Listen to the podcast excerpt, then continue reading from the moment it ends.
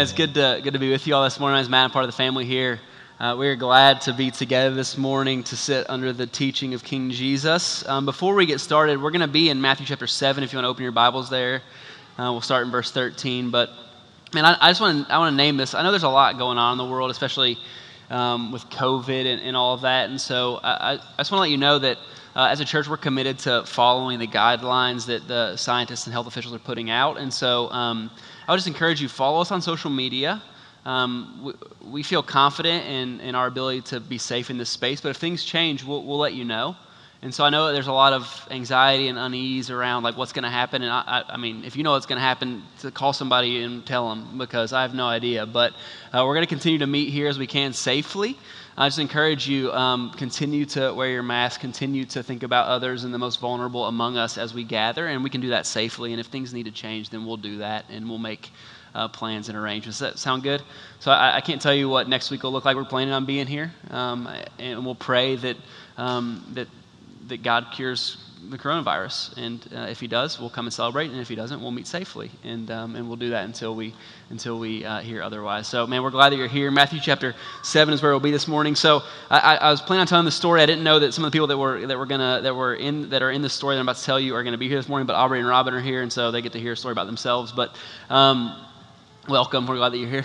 Um, so, Kristen and I, and Aubrey and Robin, are friends. We were traveling uh, together in London um, uh, a few years ago, and there came this moment where we, as naive American tourists, we were like loving it, right? We would get on the tube, which is what they call the subway in London because they're super posh.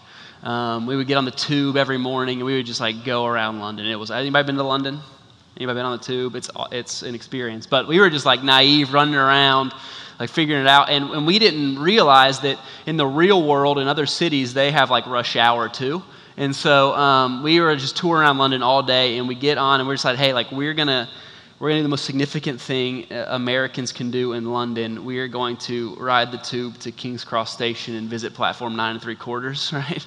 like we're doing that, we're seeing it, it's real in my heart, right? And so um, we get on the, the tube and we're, we're going. And as we're traveling across the city, rush hour hits. And I've never seen something go from empty to past capacity in one instant than like, like that subway train car did. I mean, I'm talking like we're talking and we look up and I realize I can't breathe because there are 4 million humans inside a place that's designed for 10, right? Like it's insanity.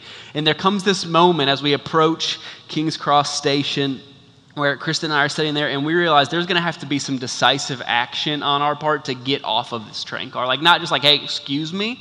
Like, I'm going to have to, like, push an old lady down uh, and steal her umbrella and, like, use it as a weapon to get off of this, this train car. And so, Kristen and I, we had this moment, Aubrey and Robertson there, we're like, we got to get off here. And I'll never forget, I look at Kristen, and we make that, like, silent eye contact. Like, I'll see you on the other side, babe. Like, I love you. Like, I hope you make it. I- I'm getting off this train.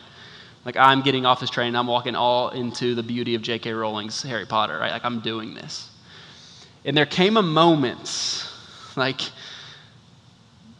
where I knew that it was more than just my will, like, was going to be required to get off. Like, I knew where I wanted to go, but there was going to be some action, some decisive action. And um, to steal a line from another uh, teen sort of drama series, I was like, babe, may the odds be ever in your favor. Like, I hope we make it out of here together. But the truth is, I've been thinking about that a lot this week because there was a moment in my life where, like, where just my will and what I wanted to do was not enough to accomplish that which I, I needed to do, right? There was going to be some decisive action where I was going to have to stand up and fight my way across a train station um, or a train car in order to get where I wanted to go. And, and the, the truth is, I've been thinking about that all week because there, the reality is that in life, there is an easy way.